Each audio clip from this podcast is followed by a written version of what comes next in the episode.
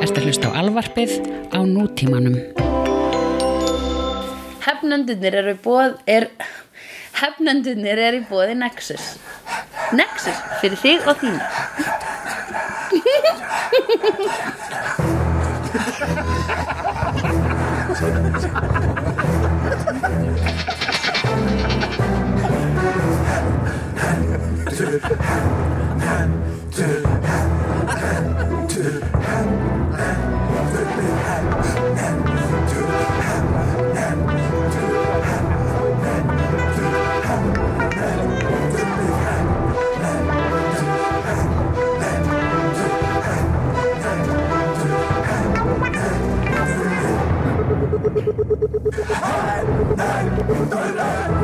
Áður en að þú kemur þér að efninu Ævar, Já, við erum að fara að tala um lista. Já. Þetta er listaþáttur. Þetta er, þetta er listaþáttur eins og, eins og flestir hefnað þættir eru. Við erum uh, í dag verðum við listamenn. Við erum upptalningagjörnir Ha, uh, Og uh, ég sá hérna Skal ég þér segja Ég ætla að fletta upp hérna Hefnenda.hum um, Já uh, Það var búið, nýbúið að gera hérna Empire var að kjósa ekki, láta lesendur sína kjósa. Já, topp 25 bestu kvikmyndir allra tíma. Það er, það er komið svona hundrað listi. Jú, jú, það er líklega vera 100 listi. Ég bara sá Deva fara að vísa hérna í uh, Deva fara að vísa í, uh, í 20, allavega telur fyrstu, ö, bestu 20 myndinar -hmm. Og þetta er það sem gerist þegar að þú veist Fólkið fara að velja. Mm. Það verður löðrandi meðalmennska og ófrumleg heit og bara svona Já, þú hefur ekki hort mikið á bíó. Þú telja upp. Ok, hvað er þetta? 20 Öfururöð Já, öfururöð, frá 20 Já, Top 20 bestu myndir allra tíma samkvæmt lesendum Empire sem eru flest mest megnis brettar samkvæmt lesendum Empire 2017 vegna þess að þetta gerist reglulega að þeir velja svona Já, já, þið gerir þetta reglulega. Númer 20, Die Hard. Svo kemur Jurassic Park Inception Fight Club Lord of the Rings The Return of the King Aliens Alien Blade Runner The Godfather Part 2 Back to the Future Lord of the Rings The Fellowship of the Ring Star Wars Jaws Raiders of the Lost Ark Goodfellas Pulp Fiction The Shawshank Redemption Dark Knight The Empire Strikes Back og besta mynd allra tíma en að gíska Godfather rétt. Sko, þetta er bara svo unimaginative og af hverju er það En mannst í gamla dag þegar svona listi var svo þægilegt frávik frá því þar sem að Citizen Kane var alltaf á, á, á topplistanum og svo tonn af svona eldri, eldri myndum sem við höfum aldrei séð. Já, en ég meina það var ekkert jú, ég vissulega, ég man þegar í Galata ég man að ég las Empire, byrjaði að lesa Þessi Empire listi? fyrir einmitt 20 árum 94, fyrir meira en 20 árum oh my god uh, hérna, og það var einmitt Perfection það var að nýjasta nýtt og, og maður hugsaði bara þetta er besta mynd allar tíma það verður aldrei gerð betra en þetta. Og svo las maður annað sem þeir sagði að vera gott bara þeir segja að Godfather sé gott. Já ég vissum það, Goodfellas og Raiders of the Lost Ark og auðvitað, djúlir Empire með þetta hreinu. Þetta er nákvæmlega sem við sögðu fyrir þú veist 20 árum. Basically sami listi. Það búið að bætast inn Inception og Fight Club Já. Það er ekkert búið að breytast Og þessi listi eru allavega þrjár Spielberg myndir Tvær Lord of the Rings myndir Tvær Aliens myndir Tvær Ridley Scott myndir Er Star Wars betri en Empire Strikes Back Tvær? Star Wars myndir Ok, Uh, og, og síðan ef við fyrir með, með hérna, í genres þá er hérna Godfather, Goodfellas og Godfather 2 og Perfection það er sem goddamn gangstemindir veistu hvað, eh, veistu hvað sko lyktir á þessum lista? Tippafíla það er tippafíla það er drullu mikil tippafíla af þessum lista. Og uh, við ætlum að náttúrulega vera með okkur einn lista í dag. Ekki við bestu kvikmyndir allra tíma heldur bestu myndasögu kvikmyndir allra tíma. Og það gæti hugsalega tæknilega árið tippalegt af hann vegna þess að við erum tippi. -hmm. en uh, það, er, það er samt ekki jafn mikil tippafíla af okkur og af Vonandi af þessu blessa feðraveldi þessu, þessu uninspired feðraveldi sem er ekki búin að uppdata kvikmyndabankar sinn almennilega allana tíma sko. Ég, það er eitthvað svo átakalega leiðilegt við þetta að um, Þetta eins og sé, það, var, það, voru, það voru þessi gömlu listar það, sem að voru myndir þeirra kynslóðar sem að uh, réðu ríki mm. uh, ég, mér finnst eins og það sé bara ný kynslu búin að taka við og finnst eins og allt sem gerðist fyrir ákveðin tíma vera alveg rosalega heilagt og frábært og aldrei neitt þvílimlikt að gæðum komi, komi á ný að þetta er bara svona, þetta er stöðnun Þetta er ekki alveg líðræði samt í þessum lista Þetta eru lesendur Empire Já. sem eru, þú veist, það, þeir sem eru að lesa Empire í dag það er ekki, það er ekki, ég þarf að veðja að tímaritið Empire sé ekki að fá eitthvað óslega mikið nýjum lesendum upp á Nei. síðkastið. það, það var edgy á sínum tíma en núna er það gamli kallinn En, hérna, en uh, The Guardian var með svona skemmtileg challenge sem var nefndu top 25 myndir Mhm. uh, frá árinu 2000 síðan Já, ég, 2000. segja minn lista. Þú, þú gerir listað það ekki? Jú, ég skal segja hann bara snöggvast. Ég sett hann hérna vegna þess að ég var að býða en mér finnst það miklu skemmtilega nálgun að, að, einmitt, að, þú veist, að þröngva sér til þess að, að, að velja nýtt. Ég var bara að býða eftir flugvél í Finnlandi og ákvaða að skella í eitt stykki lista. Ok, og uh, ég, hér er það bara í stafrósfið þetta eru 25 bestu myndir þessarar aldar að mínum að já. Og ef það ert ósamlega þá má það.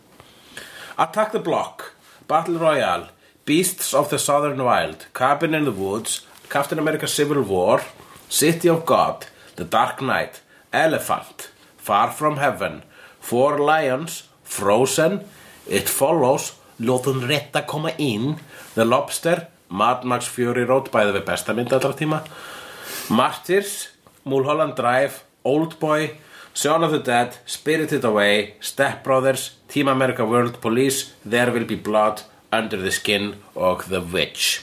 Þetta er drullu góðu listi. Já, og það er eiginlega pínu píkulikt af þessum lista ef ég segja svo er. Ef ég á að segja og er. Diversity. Ég fór, ég fór yfir hann svona með sérstaklega eftir á bara svona, svona góða góða fólks spætisensi mitt bara svona hulugur, er þetta ekki örgulega svolítið feminist jú, þetta er Battle Royale feminist, Beasts of the Southern Wild feminist Cabin in the Wood feminist uh, It Follows Elephant feminist Far From Heaven feminist Frozen feminist It Follows feminist að koma inn feminist Lobster jafnbrötti Mad Max Road feminist Martis feminist Mulholland Drive feminist uh, Lu- Lu- Spirited Away feminist mm. og Under the Skin of the Witch helmingurinn er helmingurinn af þessu kellingamæti sko. Já, þetta er löðrandi í góða fólki En uh, bara að segja, sjáðu líka fleiri myndir. Ég meina, er Godfather ennþá besta mynd allra tíma? Nei, hún er það ekki. Hún er mjög góð. Don't get me wrong, hún er frábær. En besta mynd allra tíma? Nei, hún er það ekki. Ég væri kannski til í að fallast að hún komist á topp 10 ef að hún er tekin þarna The Godfather Saga þar sem alla þrjár myndirnar eru splæsta saman í eina langa. Já. það er mjög góð mynd Horfir þú að þessar fancuts myndir? Nei, þetta var ekki fankött, þetta var kött sem var gerð fyrir sjónvarp með einhverjum viðbótum og einhverjum svona dóti af Coppola fyrir hvort það var ítal sjónvarp eða eitthvað þetta, þetta var svona sjónvarsútgafa sem var mjög mjög löng. En þú getur hort á þetta Netflix og þetta er bara heildar myndir, nei, HBO HBO held ég, HBO Now og þetta er bara svona ein stór heildar bara í réttir tímaröð. Já, já, já, ok, ég sá aldrei þrjú. Það voru allir að segja að hún var svo mikið verri en eitt og tvö að, að þeim myndi bara þú myndi vera bara að pyrra þér. Fín fucking mynd, þú getur fokkað sér Fucking mynd, FFM um, En allavega við erum núna komnir um, saman til þess að ræða um kvikmyndir eftir teiknimyndasögum Já, og hvað, hver var kveikjan af þessu? Kveikjan af þessu var það að einhver vefmiðill uh, setti fram ef, ef, ef, nokkuð var nefnan vefmiðlinn Nei, nei, kannski ekki. Látum fólk bara leggja saman 2 og 2 -hmm. það, er ekki, það þarf ekki að googla lengi. Ég vegna þess að ef við gerum það þá strax er tæknir, það er næstu orð vegna þess að við erum að fara að skýti yfir hann lista sko. Já, við erum að fara að skýta feitt sem er, sem er umverulega rótina þessu öllu saman að þú sendir hennan link á mig. Fyrr, og spyrð, hvað finnst þér? Já, hvað er styrir hann lista? Ég var með Top mjög- 10 kvikmyndir eftir teiknumyndasögum Setti einn af þessum svokallu vefmiðlum Já, þeir eru ekkert svokallir, þeir eru það. Já. Vefmiðlum upp um daginn Það sem voru taldar upp tíu bestu kvikmyndir byggðar á myndasögum. Já, ég Og renndi- við hefnendur við leifum okkur að láta rigna upp í nefið á okkur þegar á svona löguðu kemur. Vegna þess að fucking hell hefur ég ekki hort á myndir maður Ég er endið unna lista og ég held að fyrstu viðbröðu mín hafi verið, var þetta skrifað á krakkfíkli uh, Jæna, Það er er, við, getum ekki, við getum ekki fullir það að manneskja sem skrifaði þetta uh, þakkinn krakk ég held að það sé líka bara erfitt að redda því í Íslandi þannig að ég held að það sé ólíklegt Sko, já en jæna, Ok, ég ætla að vera, ég skal vera góðu Ég skal, ég ábyrðslega ég að fara að vera hérna ég, ég, ég, ég, þetta bara pyrraði mig Já, bara, þessi listi pyrraði mig Sko, allir hafa rétt á sínum smekk En það ef þú setur From Hell á topp 10 Já, við skulum fara yfir listan Þetta er bara, þetta þetta er svo móðgun við myndasögur og kvikmyndir og common sense Ok, sko Það er, flestar myndir á sem lista er góðum. góðar sko. Mikið af góðum myndum. En ég meina það er svolítið svo að það að, það hann hafi ekki séð hinar góðu myndirnar Já. eða betri myndirnar Eða þá bara okkar smekkur sem miklu meira sophisticated Og við erum bara svona fyrir þú ert svolítið að velja þarna Þú veist steikarnar og kartöflunar en þú Mhm. ert ekki alveg að velja hérna, súsibitan sem þú aldrei smakka áður eða, eða uh, rækju við erum að finna eitthvað aðra myndlíkingar heldur fucking mat eins og þú líka nefndir alltaf að koma kúk inn í það Ok, tíundasæti segir þessi. Blessaði maður sem er örgulega góð manneskja og við skulum nú ekkit alveg fara að, að, crossfesta. Nei, nei, bara við eitthvað sem höfum hafa bara- ekki sömu skoðanir og við. Við höfum ekki sömu skoða Þetta er maður með sál og fjölskyldu og örgulega, þú veist, drauma. Já, en mjög slæma skoðanir. Númer tíu segir hann kick-ass. Fín mynd. Fínasta mynd.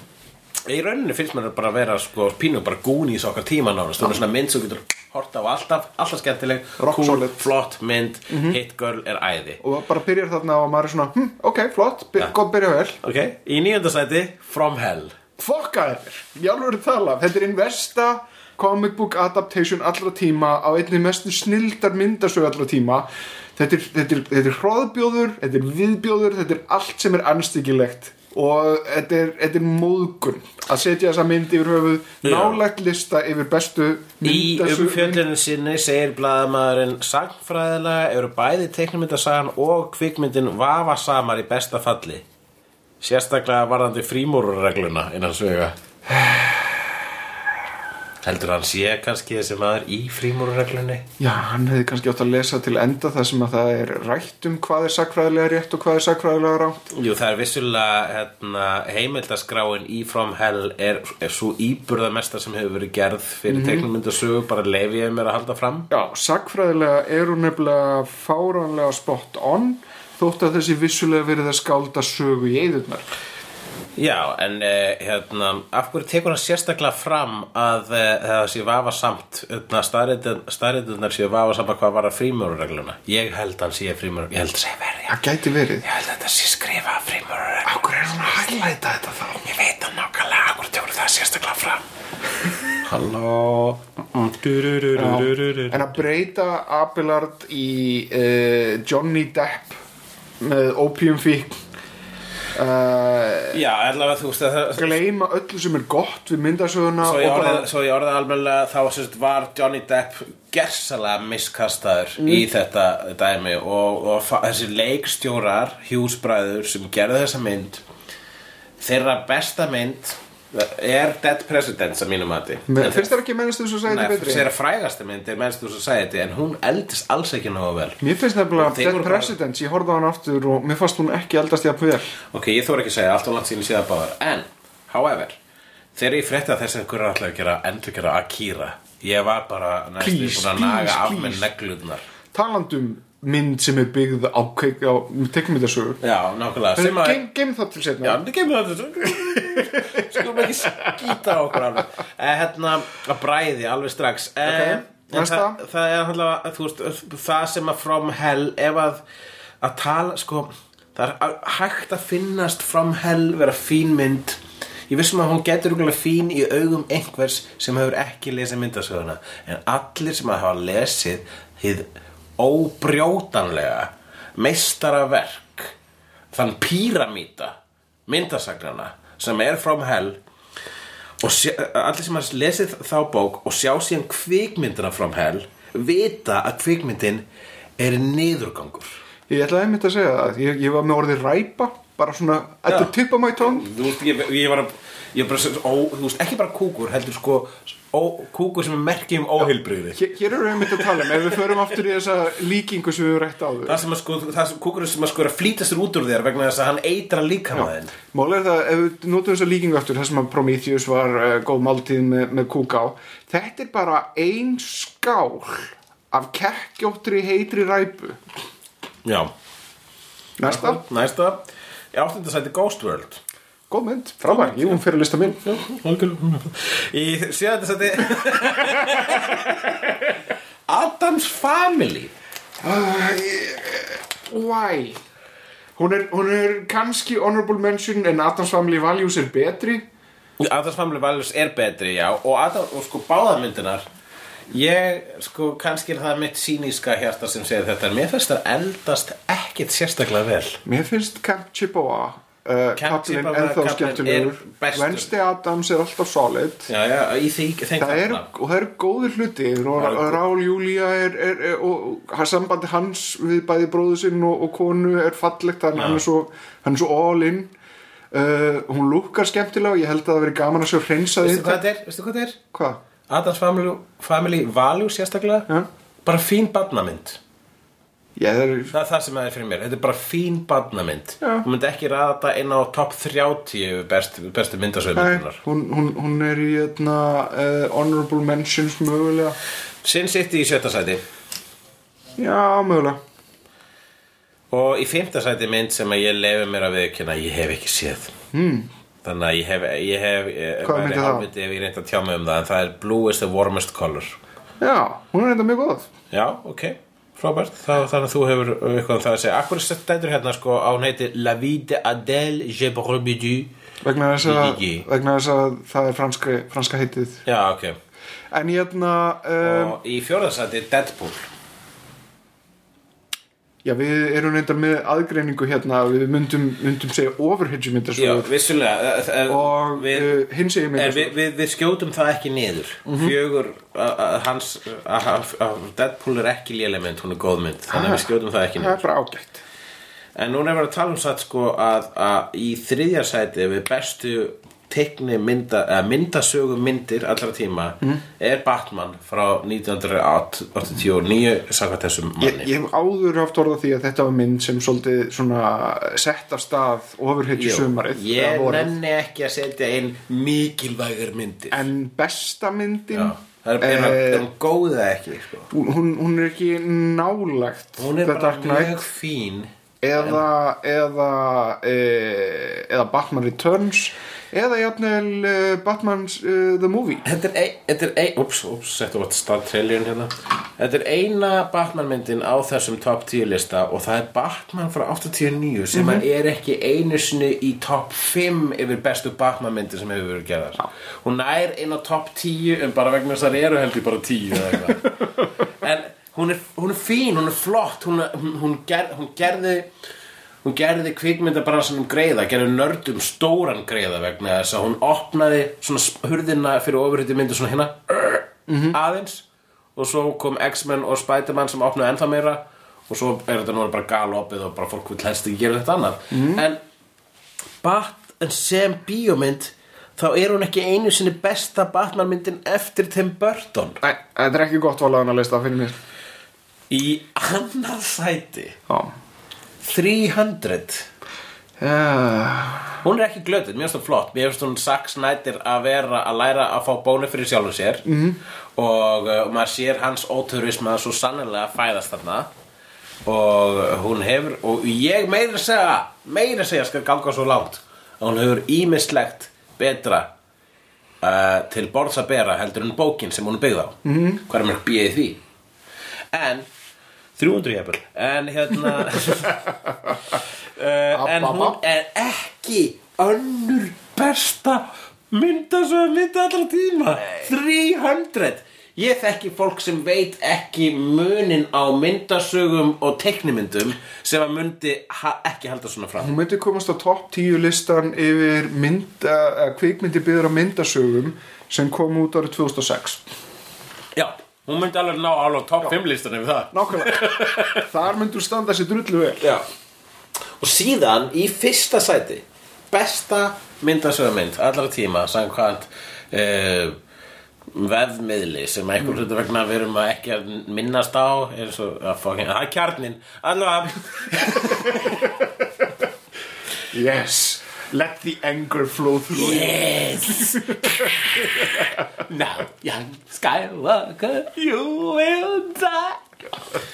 Uh, Road to Perdition. Road to Perdition. Ekki léleg mynd, Fín mynd. Ekki frábær mynd. Þetta er skrítin listi Mjög skritin listi Sérstaklega með tillitið þess hvað er ógeðslega mikið af Ég myndi segja bók Kvikmyndum. myndi sér betur en bókin í to Perdition -hmm. og sérstaklega út af þeir bættu heilum karakter við sem er hann Jude Law karakterinn sem er frábær sem er langa, be langbesta í myndina Mynd, myndin er pínu sappi myndin er pínu einhvern veginn heldur hún sér frábæri en hún er tekur svo alvarlegar heldur hún kannski jafnvel ætti að gera. Ég þurf ekki, ma- maður þarf að sjá hann aftur. Ég man bara, ég fíla hana þegar ég sá í bíó. Svo þegar ég horfði hana aftur þá var ég sá ég svolítið einhvern veginn hérna, hvernig hún var að reyna að láta hann gráta. Mm.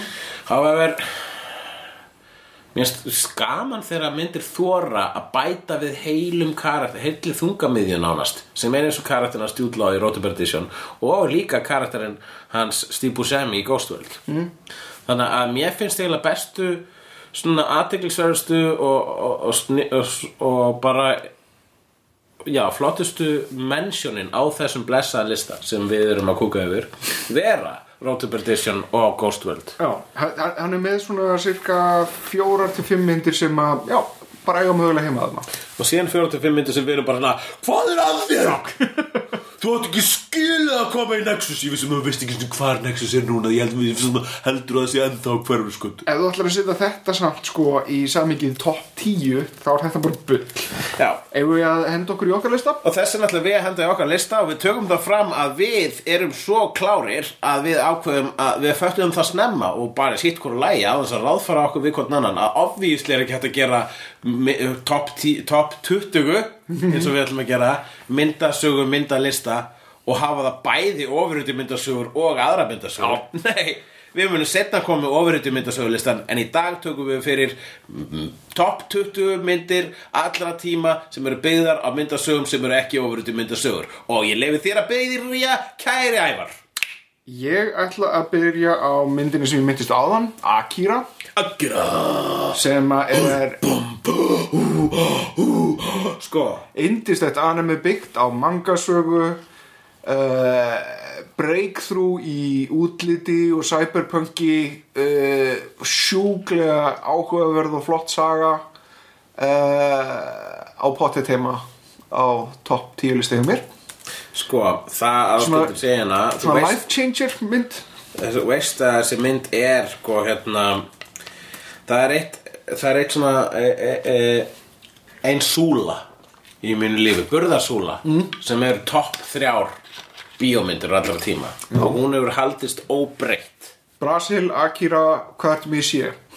Það er, eru allar sa- í sama sæti. Það er Brasil, Akira og Mad Max 2 Já. og bara nýlega þá tók eiginlega Mad Max 4 rót við Mad Max 2 en það er skiljanlegt. Mér finnst eins og þú þurfir að finna einhverja mynd sem að byrja að sé vegna þess að þá getur þú kalla þitt Já, Akira, Brasil og Mad Max 2 nei, ég leifi ég ætla að ekki láta þitt OCD stjórna mínum top 3 bíómyndir allra tíma. Gerðu það samt. Nei. En ég meina Akira er sko hún er, hún, hún frá hvað árin er hún? 88 Já, Já. það er kringa Ég meina, þú veist, hún er bara stórkoslegt meistarastykki. Mm -hmm. maður horfir á hann í dag þá er maður ennþá gáttaður á því yfir þeim smáatriðum sem gerast þarna. Smáatriðum sem voru teiknuð með fucking penna. Aksjónatriðin, uh, hönnunin og allt það er ennþá áhrifavaldur í dag. Og í ofananlag líka að þið tóku sko uh, fáránlega stóran bókabálk. -hmm. og tókst einhvern veginn listalega að draga það mikilvægast úr honum og setja í eina tvekja tíma mynd það er ótrúlegt vegna þess að í dag myndum fólk bara skella í trilogíu mm -hmm. þau gerðu það við fucking Hobbit. Já, ef að, ef að Leonardo DiCaprio hefði fengið sínu framgengt þá hefði þetta verið glemt á þann hátt. Já. Endur gerðin á Akira. Og það væri náttúrulega æðislegt að það væri til Akira trilogía en bara vegna þess að Akira er svo mikið meistaraverk. Og ég myndi jafnvel, þú veist, það, það er ég er gott að bara myndist á hana strax en ég er nánast á því að það sé bara besta myndasögumynd allra tíma -hmm. hún er however sko teiknuð líka þannig að hún er svolítið að þvíleiti nær uh, viðfánsefninu og þar að leiðandi hreyfur hún við litla nördahjartanu mínu á nördalegri hátt vegna þess að það er, ja, það er annars konar challenge að gera live action mynd úr teiknuðu efni Hvað varst þú með næst? Ég ætla bara að segja American Splendor Já, uh, Harvey Píkar. Harvey Píkar, hann er maður sem hafði enga tekni hæfileika og vann í uh, leiðilegu starfi sem skjalaflokkari á sjúkrahúsi sem að út frá frustrasjón og hræðslu við það að verða gleymdur í mannkynnsögunni ákvað að byrja að skrifa sína hann eigin myndasögur og varð svo heppin fyrir nánast tilviljun að Robert Crumb, einn besti myndasöguteknari bandarískar myndasögusögu, ákvað að tekna sögurnar og síðan bættist við fleiri teknarar í, e, í samstarf við hann og þannig varð til e, indie myndasögu klassikin American Splendor sem að varð gerð þessi aðtiklisverða metamynd eftir sem að hann Paul Giamatti leik að hluturkið í en í þess, þessi mynd er mjög góð stúdía á uh, sjálfsdokumentation mm -hmm. og einn af mínum uppáhalds ímyndum ever, uppáhalds bókakápum, myndasögu bókakápum eða það er að kápan á einu af heftunum eins og þetta gefið út í heftum eins og myndasögur eru gerðar gerðnan í bandaríkunum þá er mynd af honum Harvey Píkar nývaknum, nýstygnum upp úr rúminu sínu og hann gengur í áttabarbygginu sínu og er litið á speil í leðinni og segir Now there's a reliable disappointment. Og þessi setning kom bergmálar í hausnum á mér. Þetta er bara, ég sverða, ég hugsa þetta bara út af þessari helvitis myndasögukápu að hugsa þetta sjálfur þegar ég er svona nývagnar og lappandi á þetta bærbyggjur hann eru áreiðarlega vonbriði andlitið að sjálfum mér. Ég var að þetta talar til mín. Uh -huh.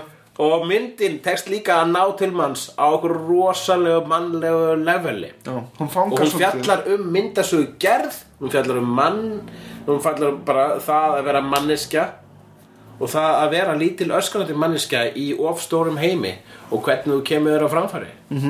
Frábær mynd. Með, hvað heitir hann, Paul Giamatti. Paul Giamatti. ég, ég þarf alltaf að hugsa mig tvísvar uh, þegar ég er að reyna að muna nafni á Paul Giamatti vegna þess að ég hugsa alltaf um hann sem Pigvomit úr þarna Howard Já, það var náttúrulega pikku á mitt í Howard Stern myndinni. Já.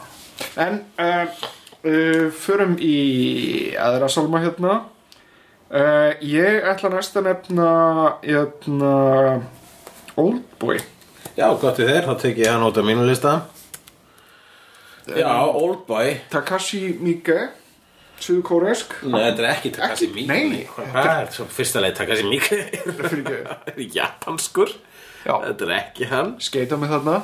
Hvað heitir hann Hann heitir, Chan Wook Park eða eitthvað alveg. nákvæmlega Skal bara sem er að staðfesta hérna svo að eh, nördarnir sem að eh, vita að við vorum að byrja að vittlust fram geta hægt að öskra á viðtækin sín. Já, ég held að ég séu öskara nú þegar út af því ég eignaði Takashi Ó, ég sagði það rétt. Ég sagði það rétt, hann heitir John Wook Park. Ég veit ekki hvort að þessi orð eru sagði þessa röð En enginn veit að hvort þið er. En það er frábær mynd um, mann sem að er lokaður inni í ógæsla langan tíma og er síðan reikin út til þess að, að, að uh, já, valda áraðanlegu vombriðum og ég ætla lifandi kolkrabba og Ekki segja, ekki spóla og Þú varst næstu búin að spóla það ekki? Ég ætla, ég ætla bara að minnast á, að að á actionsunna þetta, þetta, þetta hérna, gangabardaginn Já, gangabardaginn, það sem að berst á gangi. Já, sem að er, það sem er brillant við þetta er það að þetta er fyrst alveg pínleitið eins og töluleikur en líka bara einfallega eins og rammi vegna þess að þetta er svo fallega rammað inn. Uh, Já, það, ég bara þegar ég var að reyna að sannfæra fólk um að koma með mér á Oldboy í bíó og það voru allir bara, æ, ég hef ekki gaman svona kung fu. Mm. bara, þetta er eh, hei, rasisti bara vegna þess að mynd er um Asíubúa og að, að, að hefna sín þá er það ekki kung fu mynd. Og bara bæði vegi, ef þú væri kung fu mynd þá þýðir ekki hún sér slæm rasisti. -hmm. en uh, hérna já ok, maður er náttúrulega svo sem ekki endilega rasist þegar maður fýlar ekki kung fu myndir. Uh, allavega uh, þetta er algjörlega stórkosli mynd. Klikkar og svo stórkosleg að uh, bandaríkja menn reyndu náttúrulega að endurgera hana Ekki, og Spike Lee af öllum. Já, gerði endurgerðina. ekki góð endurgerð. Nei, ég sá hann ekki en ég mun láka ekki til að sjá hana. En hér er málið Það er búið að vera svolítið umræðinu nýla svo kallega whitewashing. Þeir að vera að taka uh, Asíst Allavega í, alla í þessu tilviki. Það var, það var var kartaði verið þegar kom að hérna, Ghost in the Shell myndinni og þá var hún þá vildi fólk meina að uh, það var að vera að hvít þvó aðalpersonuna vegna þess að hún var hvít en ekki asísk. Mér finnst það ekki skipta máli í þessu tilfelli. Það er bara verið að búa til ameríska útgáfa á sömu mynd.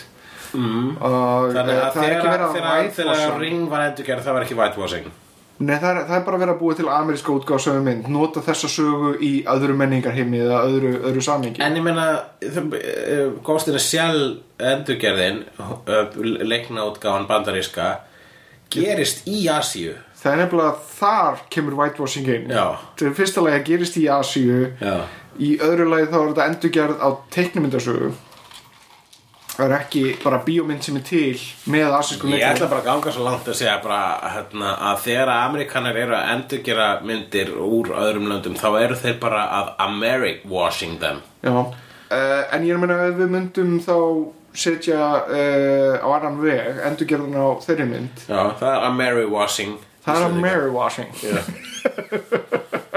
Ertu með eitthvað? Nei, ég er bara, þú veist, e, e, e, já, vissulega, en ég er bara, uh, að ég bara, það reis hefur verið svo mikið issue, náttúrulega fyrir Spike Lee, þess vegna fannst með að vera pínu svona kaldtæðið að hann skildi gera hvítamynd um, sem var upprúlega asísk, sko. Ég færði að játa að þetta tröfla mig ekki neitt en, en Nei, nei, trubla mér svo sem ekkert, en mér, ég heldur ekki að sé góða mynd frá Spike Lee eh, lengi -hmm. og ég mér uh, satt best að segja og ég nót þetta orð sjaldan finnst Spike Lee pínu ofmetin leikstjóri ég meina Do the Right Thing er mjög fín mynd og mér fannst þennan Summer og Sam eiginlega bara svolítið geðvik en restin er pínu bara svona predikun. Malcolm X er samt góð Malcolm X er fín. Hvað voruð uh, Ég á að segja mynd, ertu búin að telja hvað eru búin að gera margar? Við erum búin að koma með þrjár myndir. Ok, Akira og Akira. American Splendor. American og ég Old sa- Boy. og þú sagði Oldboy, já ég að segja. Þú ætti að segja. Ok, þá ætla ég að segja Time Cop. Ein sniðvörndin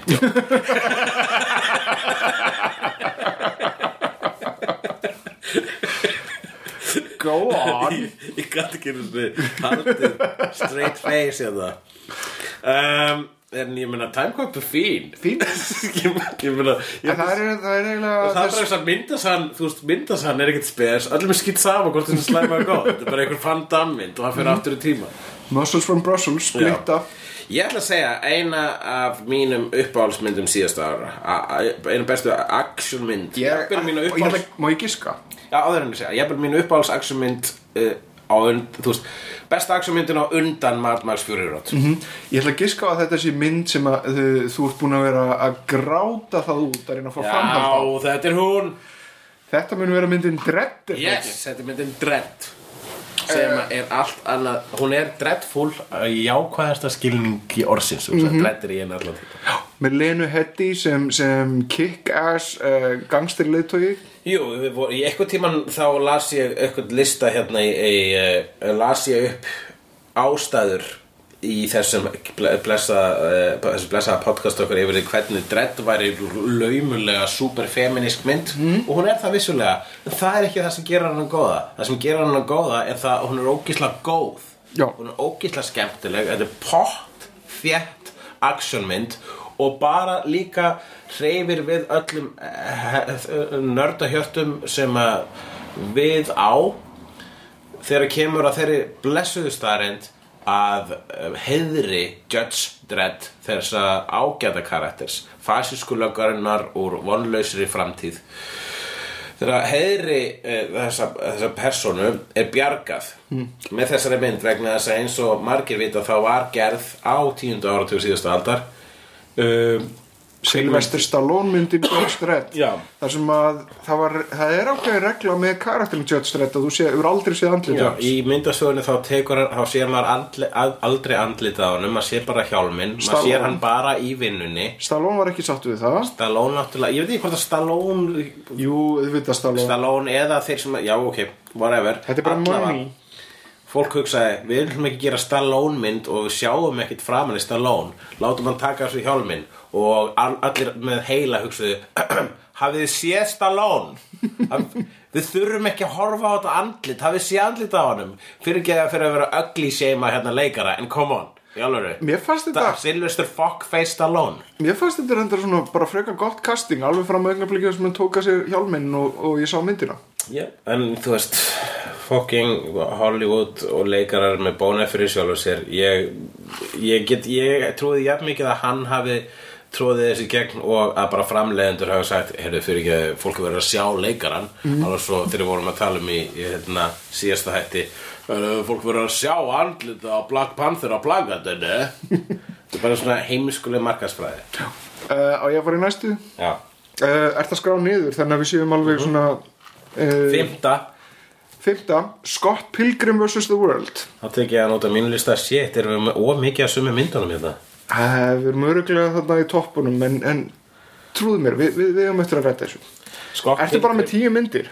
Ég Þú ert fór, ekki með neina að vara. Ég fa- fór upp í 15 en ég fara að ha- fara að áhyggjur af því að Við, við erum mjög líklega eftir að nefna sömu myndir vegna þess að þær eru tiltölulega góðar sem að við erum að nefna. En Scott Pilgrim vs. The við erum World með awesome smack á myndum byggð á myndasögum. Er uh, dicks eru við í podcasti. Nei, þú er rann fyrir þér. Núna komið alvöru listin og við ætlum að gera tólista vegna þess að obvísli sitt aðskilum maður ofuriti myndum frá öðru myndum. Ó nei, djöðstur þetta er ekki ofuriti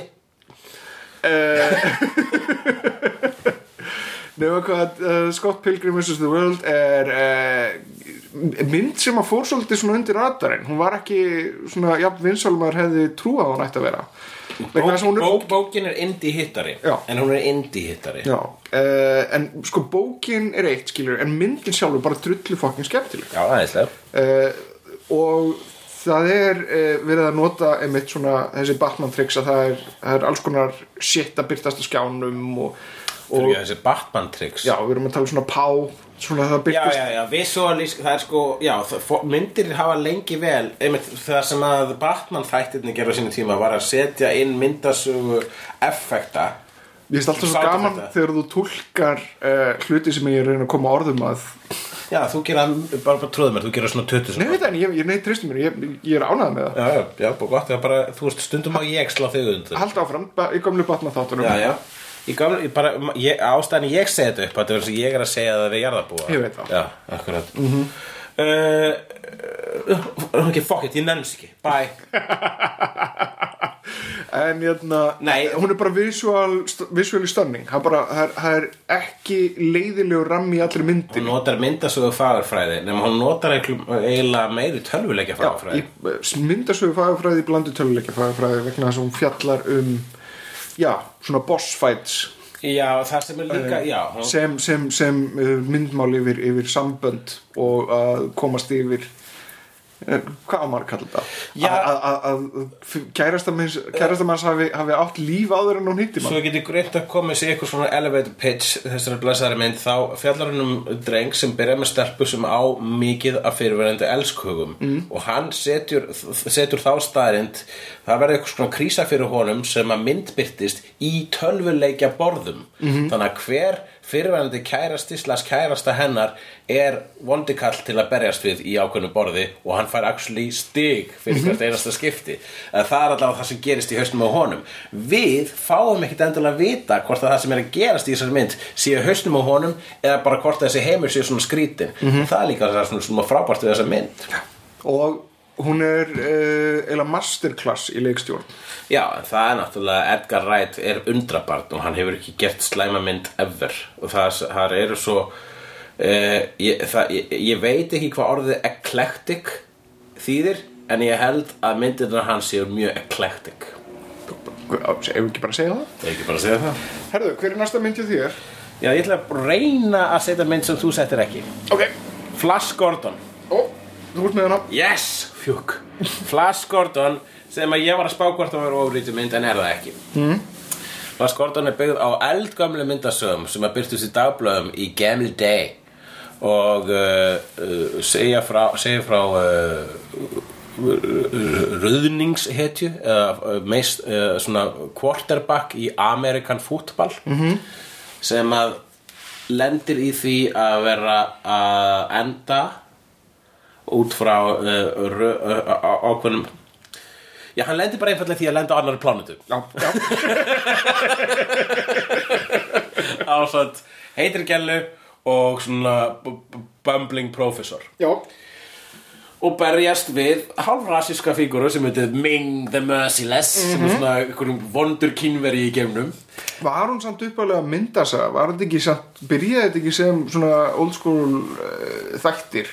Nei, þetta byrjaði sem myndi að segja það var það, var það old school þáttur. Já, ok, ok, ok.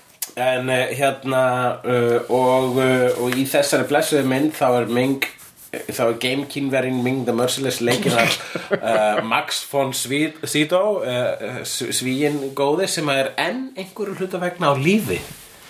Er hann á lífi? hann er, enn, hann, hann er bara að leika í Game of Thrones. Já, nokkað, segir sá að hérna Game of Thrones. Er, er hann að gera eitthvað annað? Hann er bara að vera eldgamall í svona 40 ár. Ég, ég meni hann náttúrulega teldi við dauðan í Ingmar Bergman mynd. Hann náttúrulega, hann hefur, náttúrulega hann hefur hefur væntanlega unnið sér líf þar. Já. Uh, Jú, jú, þú meina það. Já, náttúrulega, hann átti náttúrulega við. En uh, En þessi mynd, hún er nefnilega sko ein fyrsta tongue in cheek myndasögumyndin. -hmm. vegna þess að eh, þe- þeir sem gerðana þeir áttuðu sig á því að þetta er nú allt saman pínum bjánalegt. Og myndin gerir gott grín af sjálfu sér en tekst að taka sér sjálfa, sjálfa sig á alvarlega á sama tíma. Hún minni pínu á Batman 66 uh, að því leiti en hún er líka bara frábært ævintýri það er ógeðslega gaman að sér Timothy Dalton og, og Brian Blessed þarna, Brian Blessed með sína óperurödd ah, Flash Gordon's alive What you mean Flash Gordon's alive uh, og svo, svo tölum ekki um fullkomi soundtrack með hljómsveitinu Queen dun, dun, dun, dun, dun, dun, dun, dun, dun, dun, dun, dun, dun, dun. Flash ah! Ásæki, ég er að jafna mig á kvefi. Ég á nefnilega smá sögu með Flash Gordon að ég, hérna, ég fekk lána Flash Gordon á Vaffa S-bólu þegar ég var krakki. Og síðan sagt eh, var ég nýbúin að horfa á hana fannst hún frábær. Síðan var ég að gera eitthvað annað og síðan byrjuðu prúðuleikarnir. Já. Og og þú fyrst flóakast án þess að hugsa um það þá eitt ég á upptöku vegna að ég held að prúðuleikaraspóla mín var í. Já og tók yfir Flash Gordon á spólu sem ég hafði fengið lánaða Æ, þetta var, þetta var, það var, það voru, þetta var kortir í vinslit og eitthvað svona og Uss, bara, þetta, ég skil það vel. fór allt í klúður út af þessu. Ég held kannski að þú hefði bara svona fengið að sjá sko prúðuleikarana og Flash Gordon á einu kvöldi og að fengið svona flóakast og svo, svo fóreldræðinu vakið þig úr því. Og þess vegna er ég svona í dag. Og þess vegna ertu bara hérna er frá að vera alla myndir að vera með bjartum litum. Allar, allar. Uh, næsta mynd sem ég ætla að minnast á uh, myndi vera uh, teiknumyndin Persepolis. Já, vel valið, kæri vinur. Uh, sem er byggð á uh, endurminningu Mariana Satrapi um uh, sem sagt þegar hún er allast upp í Íran á nýjöndu áratökum með ekki? Og svona upp úr, ní, upp, úr- upp úr 1970 Late eitthvað. 70s, early 80s Já, eitthvað svoleiðis, já, og- og- bara upp úr hérna, þú veist upp úr þessu til þetta er að glata að búa í Íran. Þau voru í smástund bara svona, nú getum við lesið Bravo blöð og hort á tegnumyndir og svo allt í bara, nei, fara aftur í fötin ykkar. Þetta er hlutur ömulegt Þessi myndir um það? Já, um það, nákvæmlega það. Þú gætir ekki að hafa líst þessu betur. Þetta er, þetta er, þetta fjallar um sviftingu frelsis þegar þú upplifir frelsi. Og ég meina að Íran var mjög framsækir Þú, veist, þú, fyrst, þú, fyrst, má, þú mátt ekki kissast þarna í þessu landi. Og Áður þú, en að- þú mátt ekki svona hlusta á hljómsveitina kiss. Nei, áður en að klerkastjórnum tekur við og setur sjarjalög og allt fyrir til anskotans eftir uh, afskipti bandaríkjana og svo framins og fræ Þetta fjallar uh, raunverulega um það að hafa eitthvað og missa það. Og það er þá frelsið og, og, og mannréttindi og, og bara virðingu, sjálfsvirðingu. Ég hef ekki lesið bókina en mér finnst eins og tí- mér finnst eins og, eins og myndin uh, segi bara allt sem segja þarf í rauninni. Æ, Á ég að lesa bókina? uh, Já, hún er, hún er frábær. Þegar ég var að pása þetta. Og við erum komnir aftur Ég þurftum að stoppa þetta í smástund svo ég kemist á klostið og, og, og svara dyrabjöllinni En núna eh, ég, ég finnst þess að ég hafi talað ásla hratt að hann Já, Ég held ég tali hraðar þegar ég þarf óslega mikið að pissa. Ekki bara að vera að halda í þér í gæðið langa tíma? Meikaði ekki óslega mikið sens. Það meikar þess að þú ert að flýta þig meira svo Já. er, er, Klárum klárum þátt á annið. Já, ég segja. Þú ert næstu um, Ég ætla að segja kvikmyndina Snowpiercer. Já, það er þrjusar Það er þrusari. Ég vissi samt ekki að hún væri myndasögumynd. Nei, ekki ég heldur Það, ég, já, það var eitthvað fransk. Er þetta ekki, ekki evrósk myndasaga uppalega? uh, Nei, ég veit ekki, ég, ég, er- ég, er er að spyrja, sko. Oh my god, við erum hálfvitar. Ég skal svona fletta upp. Já, Snowpiercer.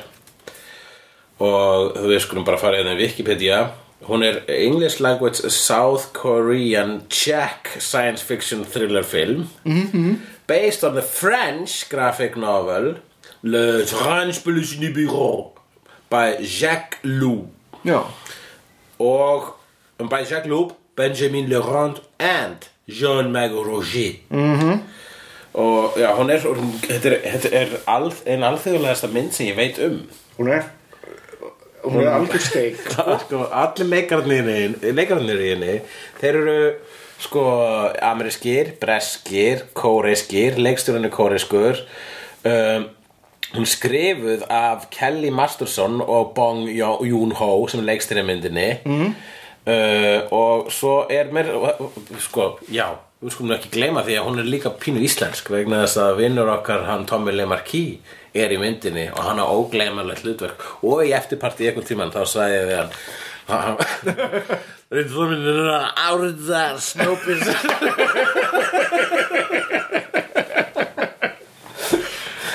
uh, En ég meina hún er stórkursleg, hún er svo flott, þetta er svo flott konsept og það er meika sens og hún er frönsk, hún er frakkar og Evropabúar, sérstaklega frakkar þegar kemur að mynda sögum, þeir einhvern veginn þóra að hugsa út fyrir, þeir, þeir eru með ákveðið þór þegar kemur að frásögn, -hmm. þeir þóra að fara uh, á, þeir fara á eitthvað svona opsla fókt upp slóðir svo oft, Já, þeir, þeir, þeir, þeir, ég segir sci-fi dæmi, þeir sko. sleppa að pæla stundum í struktúr og þá verður svona skemmtileg tilraunamennska sem er svo forvitnileg og svo áhugaverð. Ég held allavega að þú veist í bund- Marvel skrifstofunni og DC skrifstofunni þá er eitthvað gaur sem að vinna við það að segja það er ekki tækt. Já, sá gaur, svo, það starf er ekki til í Fraklandi já, ég held að það sé alveg heill hópur af gaurum sem se- hrópi kóð ah, Nei, það gengur ekki og að láta sko allt mannkinnið vera um borð í einni lest sem fer í kringum snæfi þakta jörð á einum ársring -hmm. það uh, það er þessi hugmynd það væri einhver besservissir hérna svona alvöru besservissir ekki svona, svona hérna, pointless besservissir við sem að segja reyndir að vara það í hefti nummer 2 Þetta má ekki. Heldur svona, svona vísinda besservissir -hmm. þá myndi hann örgulega segja það nei, ha, það er bara stupid what, hvað er að djóka? En þessi mynd er æðisleg. Hún er, hún er nefnilega þetta er alveg fucking kick ass Ég var á, á Rás 2 ekkert fyrir svona einhver síðan að tala um fimm bestu lestarmyndir allra tíma. Ég held að ég setti hana alveg í annað sæti, annað eða þriðið sæti. Hún er bara alveg vel hefað, hver var í fyrsta? Fyrsta sæti er Runaway Train. Já, með, uh, með uh, John Voight og, og Eric Roberts sem er æðisleg æðisleg mynd. Ég held að ég seti Snowpiercer í þriða sæti og í annað sæti setti ég hérna nýja tiltölulega nýja mynd hérna Train to Busan. Í fjórða sæti setti ég Throw Mama off the Train. Ég man ekki hvað ég setti í fynda sæti. Jú, eh, Murder on Orient Express sem er fara að vera endurgerð með John Johnny Depp. Um,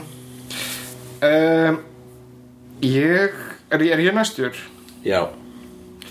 Ég, uh, sko Ég svona fristaðist í Road to Perdition en ég ákvað að fara í aðra átt og það er A History of Violence. Já, ég myndi Ég, ég, ég set þær oft Já, er svipar- einhvers, það koma svipum tíma. Já, en hérna en History of Violence by far sko. miklu, miklu betri mynd Já, og hún er líka betri enn myndasaga Já. Ég hef lesið Road to Perdition og History of Violence og þegar ég og báðar myndirnar eru betri enn bækurnar -hmm.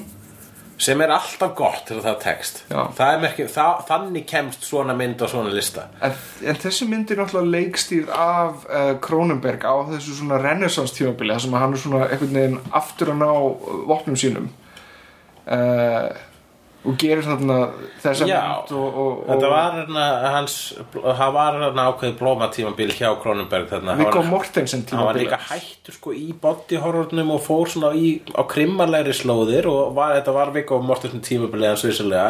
Eastern Promises er ekki mikið síðri mynd. Um, en það er ákveðin svona, það er ákveðin body horror eins og til dæmis þegar kemur ábeldinu þá er ekkert verið að fela þann skada sem ábeldi skapar. Já. það er alveg beautiful. Merkilegt nokk það er atriði í bókinni sem er miklu meira Kronenberg heldur en eitthvað í myndinni Nú, hvað? það er sko þannig að uh, karakternas Viggo Mortensen hann átti, átti bróður mm. sem að, ég, meina, ég má spoila kemur að ljósa að það er vondi kallin í myndinni það er svo sem engin spoila þannig séð svo það skiptir ekki svo miklu máli það er aðalega bara svona sögu framvindan mm.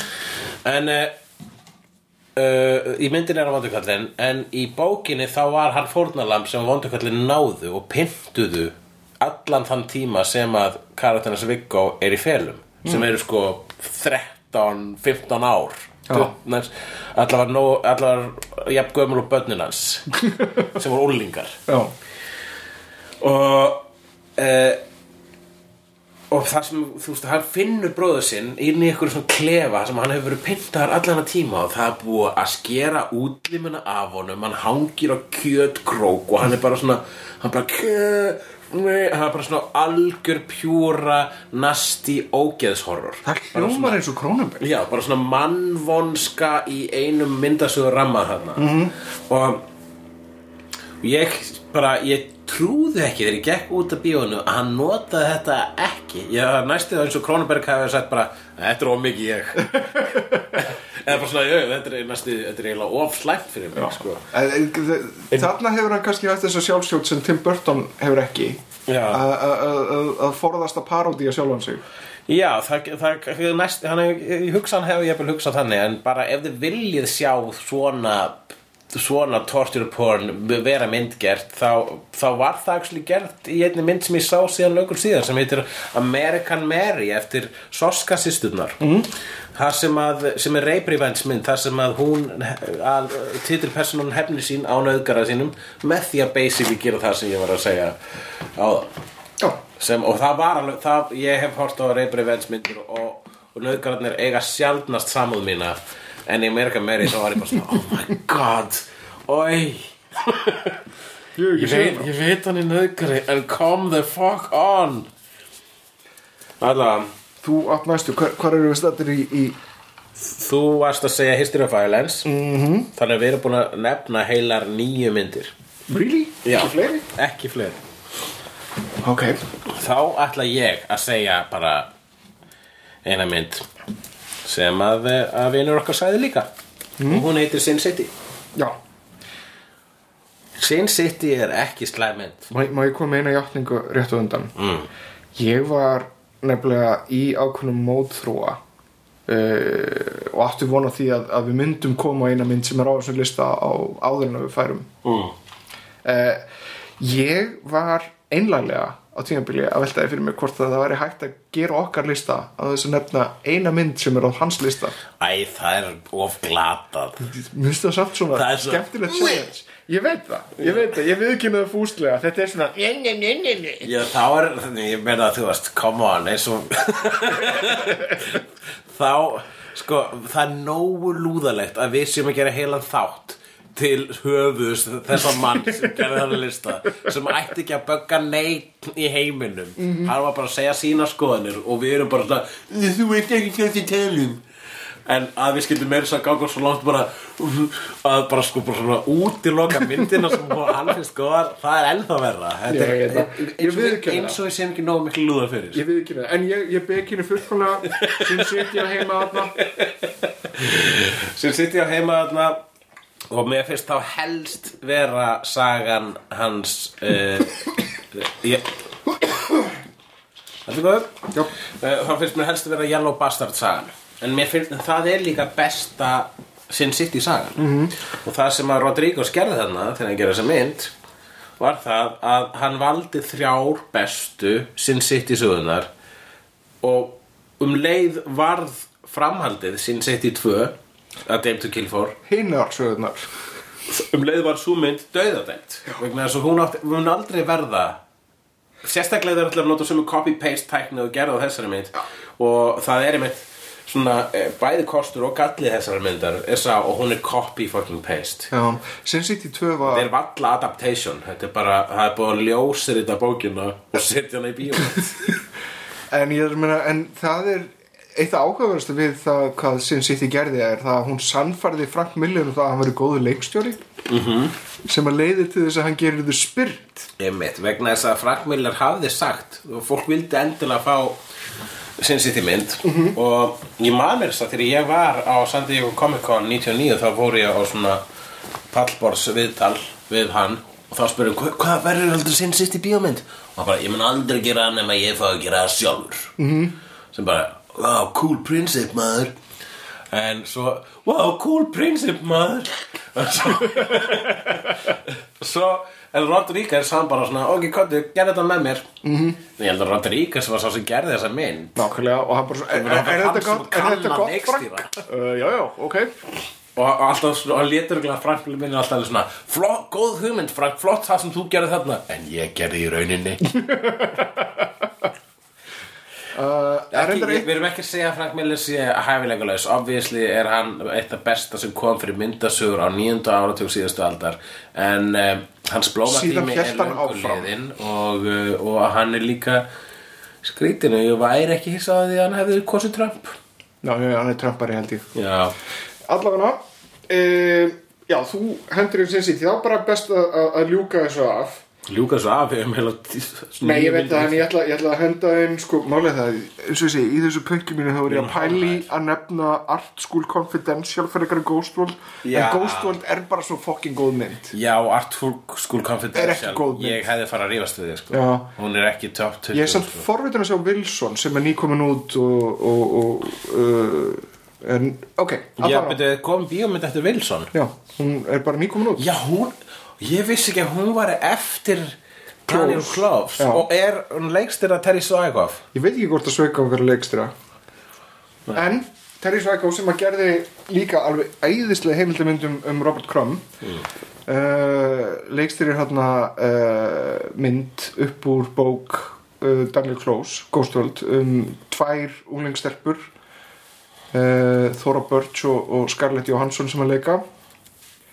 Uh, og þetta er, þetta er svona teenage angst og skrýtnu stelpurnar í hnótskurn og það er, þetta er, það er svo, hún er svo fallega mannleg hún er svo fallega einlag Hún er, hún er, hún er bara fyrstulega stórkostleg og hún var líka, hún var svo mikilvæg fyrir okkur nördana vegna sem við vorum náttúrulega að lesa okkur nördamyndasögur. En við vorum líka að lesa mynd, indie-myndasögurnar sem við notum sko til þegar við vorum að sannfara aðra annað fólk, a.k.a. stelpur um að hérna, það væri cool að lesa myndasögur. Þá var það bara, tjekka á þessu góðstúr þau eru umæli stelpur og hérna, þú veist, uh, þau eru um venjulegt líf og eitthvað, þú veist, ekki ofriðir og ekki velminni hérna, og þannig að þegar myndi kom út þá var það þá opnaði það svona ákveðnar dyr inn í hann mynda svo heim held ég að einhverju leiti ég ætla bara að taka það fram að Wilson nýjasta myndin byggða bók eftir uh, Daniel Gloves er leikstir af Craig Johnson sami gaur og gerði The Skeleton Twins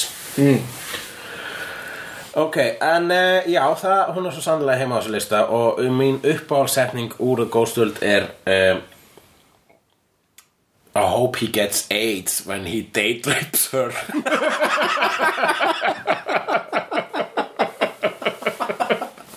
Ég veist það svo ógeðslega. Ég veist doppul Ég veist svona, svona tvíleipur Í móðgun Eða bara svona segja slæman hlut.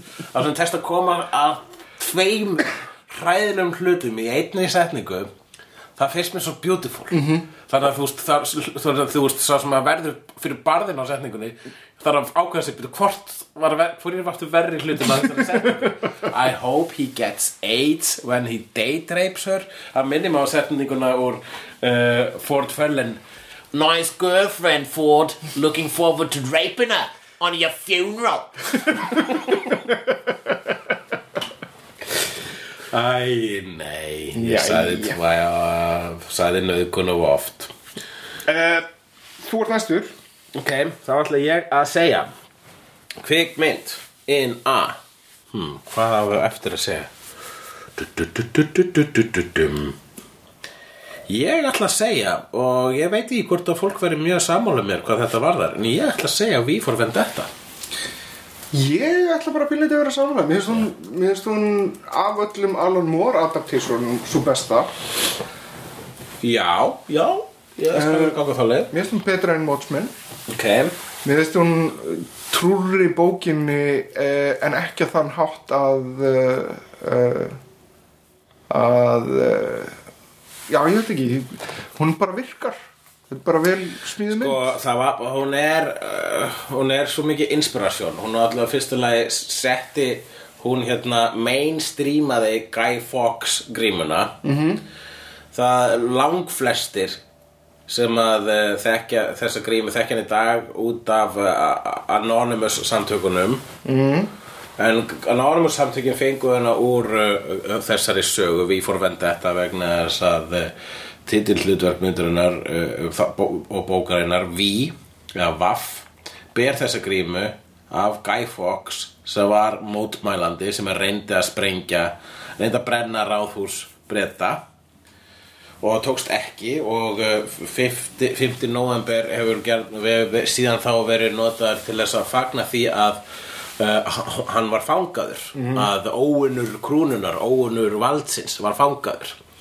En hvort sem að hann var geðsjúklingur eða hvað sem uh, lúraði í kollinum að þessum blessaða manni uh, það að hann var gerður að skotspóni ríkisvaldisins til þess að uh, sérst, þeir, bre þeir brenna Guy Fawkes Day sem að Já. þeir brenna uh, líkingu af honum Já, það, það hefur gert, það gerir hann bara eitthvað svona píslavotti -hmm.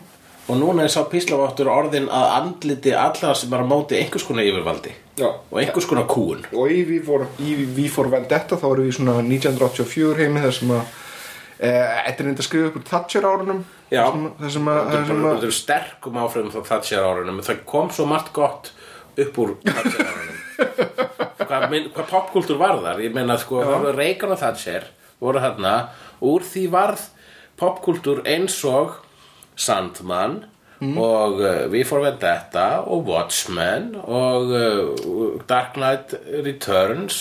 Hver veit nema truppufílan uh, ali á sér? Óbókað Nýtt og heillandi Wonder andóf. Woman bíómyndin. Já, hún er þetta að byrja að, byrja að gera hann áður en að hann var fórseti Black Panther myndin Hún er eitt stór svartur hnefi átt af hvítum fórsetum um, og, uh, bless, og ég held bara að það sem þú ert að lesa Marvel í dag þá er, þá er sko, það er fullt það er mjög mikið af sterkum sögum sem eru beinar vísanir í kúun yfirvalds. Mm. beinar svona umfjallanir um kúun yfirvalds þar ég held að eh, það besta sem ég kemur frá ógeði eins og Donald Trump og er eh, bara sem kemur frá, frá íhaldstímum í vestrænum heimi er eh, popkultúrin -hmm.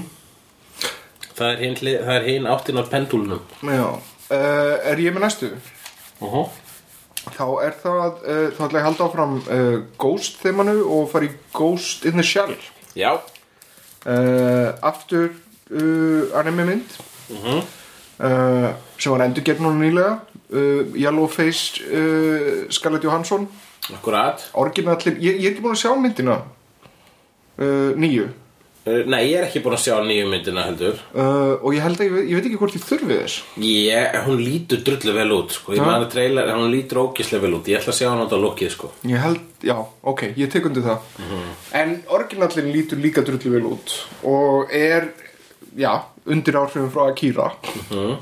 Og heldur áfram þessu, þessu svona tekni Neo Tokyo stemningu en fjallar um gerfigreind og uh, meðutund uh, vélmennis.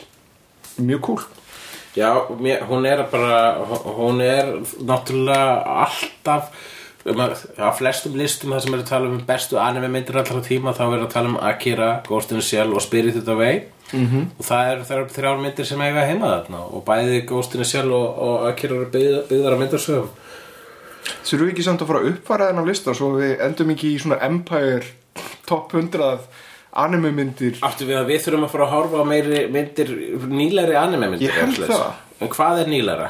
Já, við vorum nú uh, með sýningu þarna einni góðri Já. uh, mynd núna nýverið sem að þú stakst upp á HNC Pack Já. ég man, ég man ekki eins og hvort hún sé byggð á myndasögu Hún er ég er, náttúrulega ekki, ég, er, ég er ekki að tala um það, ég er að tala um uh, anime myndir bara alveg vegna þess að þú nefndir hérna anime myndina Spirited Away uh, uh, Akira og Ghost in the Shell Já. væntalega Totoro og eiginlega allur Miyazaki. Já, já. Er ekki, er, það er fullt af ykkur nýju og cool stöfi sem að við erum ekki búin að að fylgjast með vegna þess að við erum staðnaðir.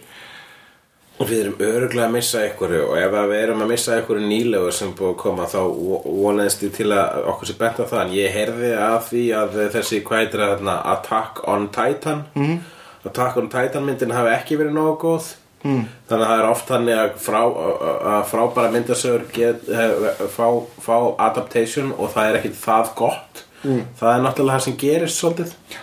En þú ert næstu Ég á næstu, þá ætla ég að minnast á kvikmyndina Metropolis sem að er anime mynd Ég er ekki að tala um gömlu Metropolis. Þú ert að tala um, þú ert að tala um sem við byggði á Osamu Tetsuga á Sama Tezuka.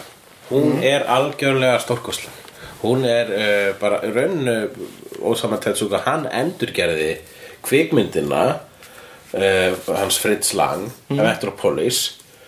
Hann endurgerði hana sem myndasögu sem að setna meir varð animated teiknumynd og svo teiknumynd er alveg mindblowing. Ég hef nefnilega lesið mangað og ég verð bara að segja eins og er að mér finnst myndi betri. Já, er það? Já.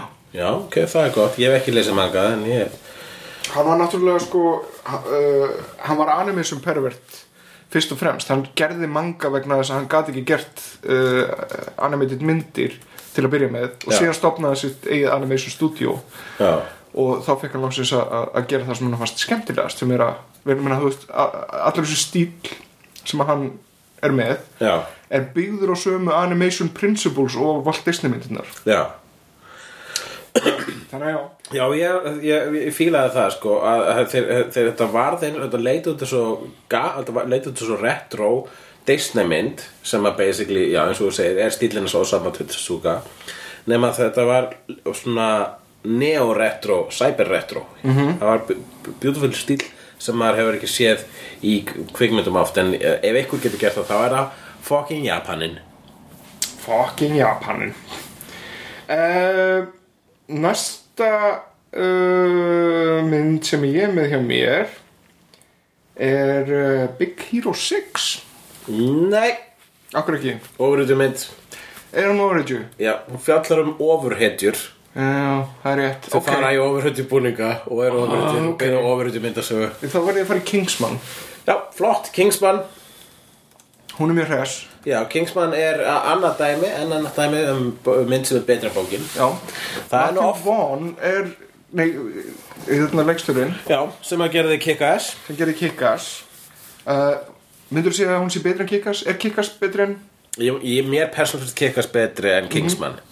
Mér finnst Kingsman svolítið En skemmtileg og Kingsman er, er drullu skemmtilega Hún er svo frábærlega subversive uh, og rauninni þetta, þetta gerir stundum í bíómyndum að eitt atriði er betra er miklu betra en allt annað í bíómyndinni. Mhm. allt hitt í bíómyndinni var fínt en þetta eina atriði er svo gott Já. að það næstu því lætur öll, allt hitt í myndinni líta illa út. Mhm. og það er kirkjuatriði með Colin Firth þegar hann er að lemja evangelista hægri vinstri. Eitt mest briljant atrið efer það er ágeðslega fallið atriði. Það sem er svo briljant við þetta er það að þú veist það er atriðið á pubnum er ógslag gott. Já, og síðan kemur kirkjuatrið og þá verður atrið á pubnum ekki jafn gott. Já, akkurat. Eins og þú varst að segja eins og þú varst nákvæmlega að segja. Já, uh, en já, Kingsman uh, ég er svolítið spenntur fyrir nummer 2 ok þú segir Kingsman og þá segi ég kvikmyndina Man in Black. Men in Black? Byggðu myndasjórum Man in Black. Já, hún er frábær mynd Núna, nummer 2 var ekki góð, ekki jafn góð að 1 og nummer 3 var ekki jafn góð að 2 já. Já, Ok. ertu, ertu ósamlega með Men in Black síðan eiga heima svo lista? Hvað var hún ekki það góð? Ég ætla bara ekkert að rífa stuðum Nei, en minna þú veist, ef við að ræða hana eitthvað? Ef við að ræða til mér hvað Vincent D'Onofrio er frábær í henni? Já. Sugar, sugar in water! Ég nefnilega sko, ég hugsa alltaf um þegar ég sé þann Björn Inga þá hugsa ég alltaf um Vincent D'Onofrio. Í Men in Black.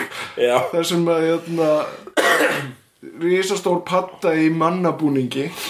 Já, á, á, jú, vissulega. Það, I won't argue with you there. Og það er svipur með þeim, bara svona útlitslega. Já, nei, alveg mjög cool. En já.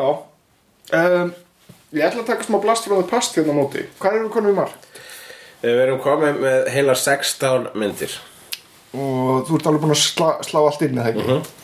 Þá ætla ég næsta að henda í mynd sem ég voru að horfa aftur á nýlega og hún var já hún bara stóð undir væntingum eða eitthvað sko, ég hafði hana alltaf í endurminningunni The Rocketeer. Já, ég með sko var að spá, er það ekki óvriti mynd? er það? Þetta er nefnilega að glata, sko erum, núna erum við komin á stað sem er bara svona, ok, Nei, mér finnst The Rocketeer ekki verið overhitja Ok, en er Crow er það óvriti mynd?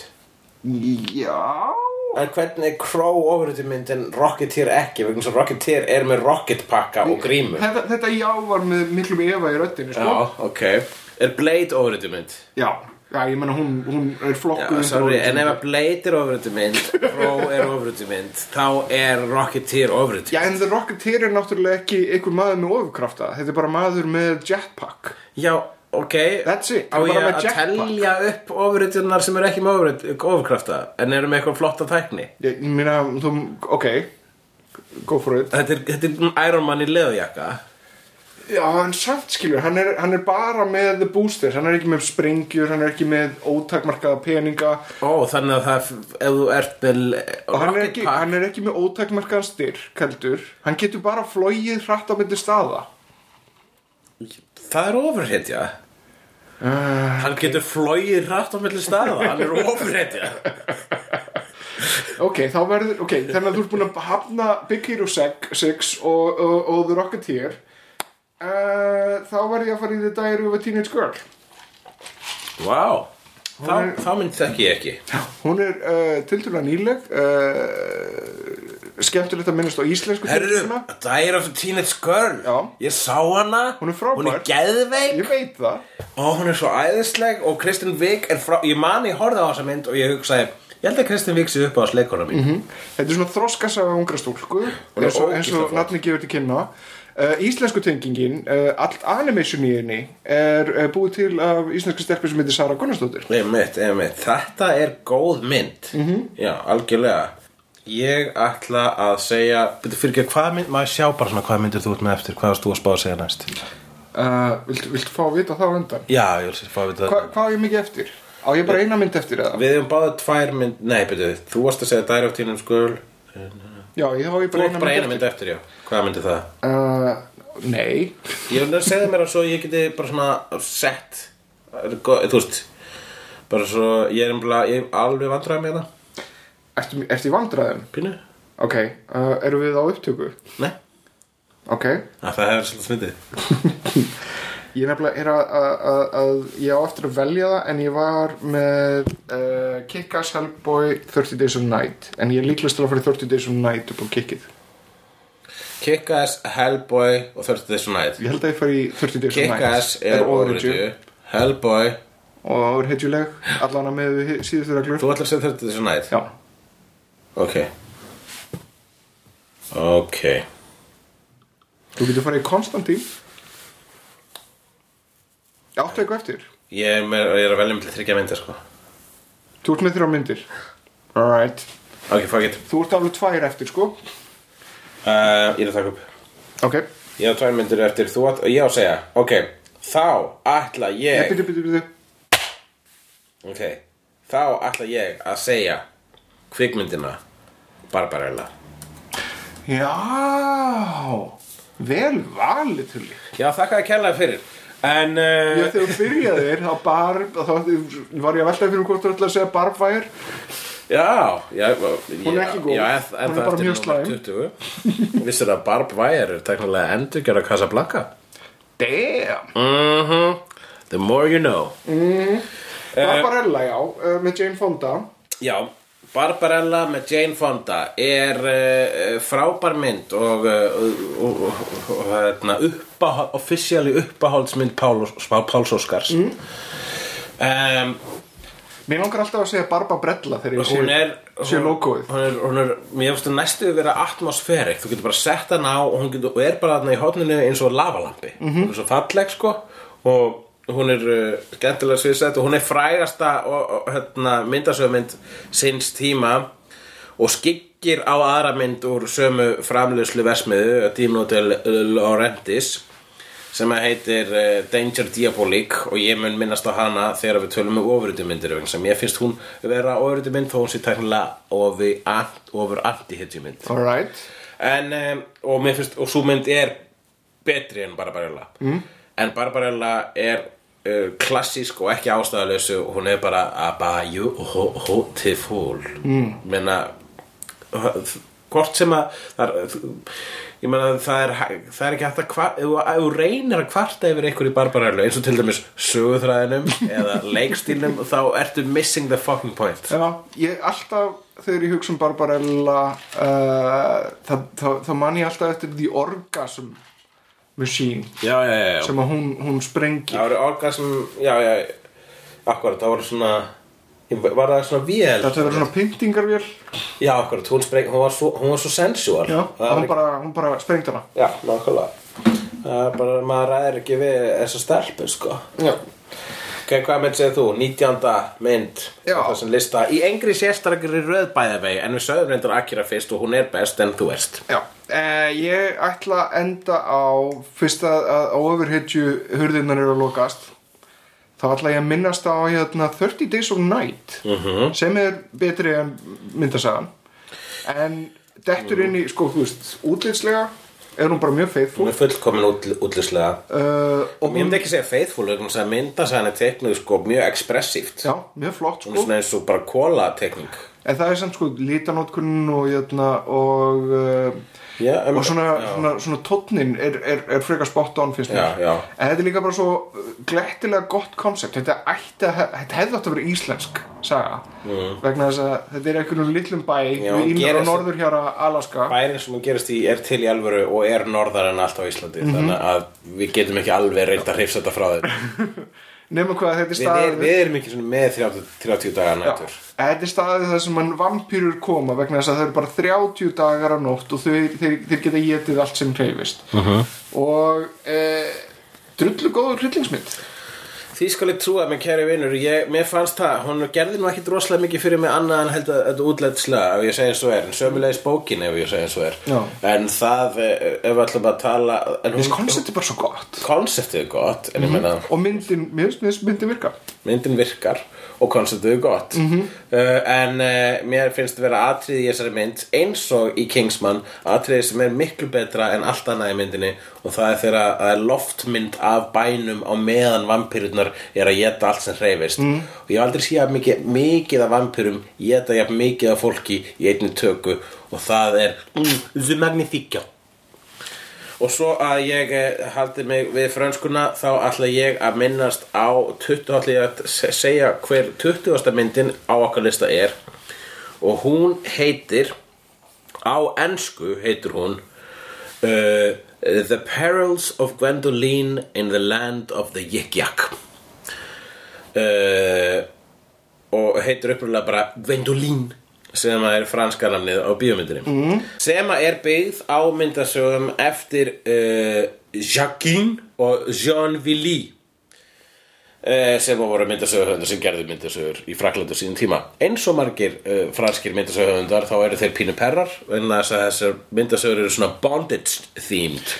Ég verða að játa það að ég hef bara ekki séð þessa mynd. Nei, þessi mynd er ekkert þekkt en hún, hana fann ég í, uh, þegar ég var fór ákvæðinu að fletta upp á fletta upp skrýtnum myndum til þess að kaupa á Blu-ray og DVD og þetta var eina af þeim myndum. En eins og, ég held að hún hefði mitt komið í sömur sendingu og Achi and Sipak um, og uh, þetta fjallar bara, þetta er svona um uh, kvenkins Indiana Jones sem er að leita að uh, tíndu landi Já, svona eh, týndu, týndur í síðmenningu og með sér þá hefur hún uh, uh, vinkona sína og svona raunin Kallkins Indiana Jones. Mm. og, og þessi Kallkinskur hann heldur allar tíman að hans í hetjan.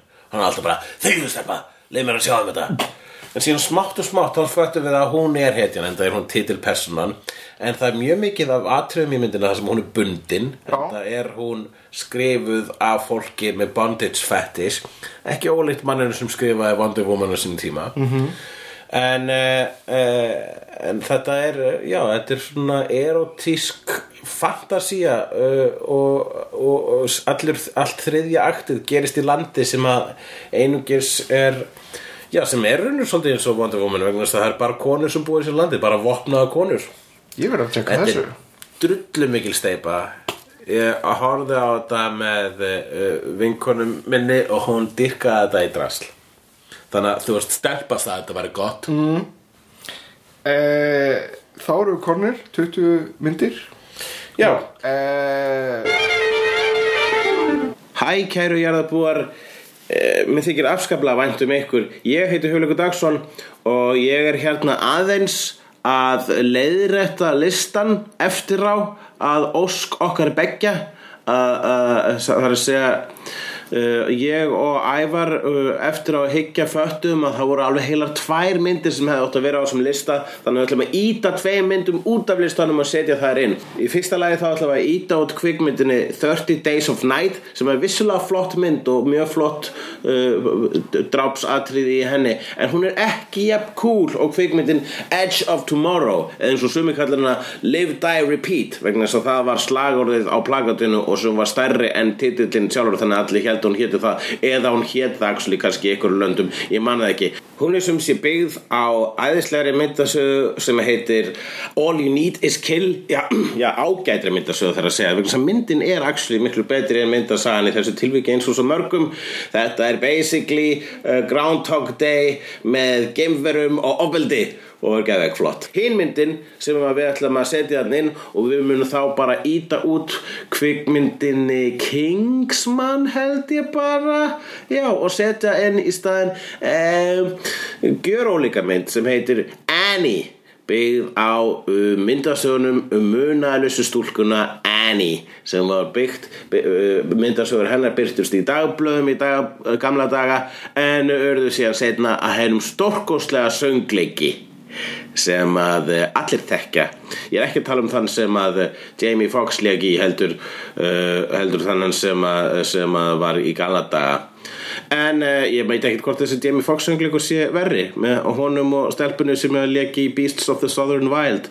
En, um, en bara þú veist en hinn hin á heima í hjarta mínu það er æðislegt atriðið í kv- kvikmyndinni e, Serial Mom þegar ein, stú, ein kona er að horfa á uh, Annie og það er bara upphafslægið Tomorrow, tomorrow I love ya Tomorrow You're always a day away. Og meðan er Serial Mom að berja gömlu konuna sem er að hóra myndina til bana með lambalæri og það slettist blóð á skjáin og það var æðislegt.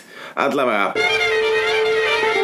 Þá eru þessar 20 bestu myndasögumyndir uh, sem eru ekki ofurutjumyndir eru Akira og American Splendor og Oldboy og Dredd og Scott Pilgrim vs. The World Flash Gordon, Persepolis Snowpiercer, History of Violence Sin City, Ghost World V for Vendetta, Ghost in the Shell Metropolis, Annie Man in Black Diary of a Teenage Girl Barbarella, Edge of Tomorrow og The Perils of Gwendoline in the Land of the Yik-Yak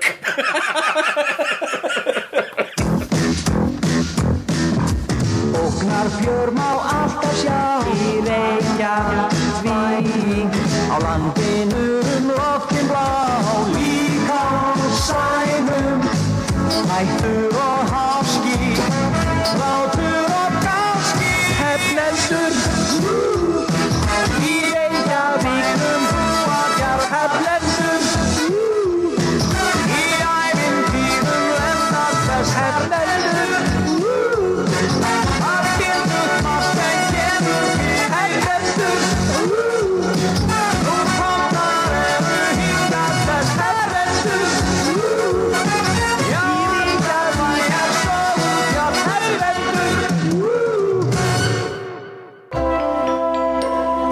fleiri skemmtilega alvarpstætti á nútímin.is. Takk fyrir að hlusta.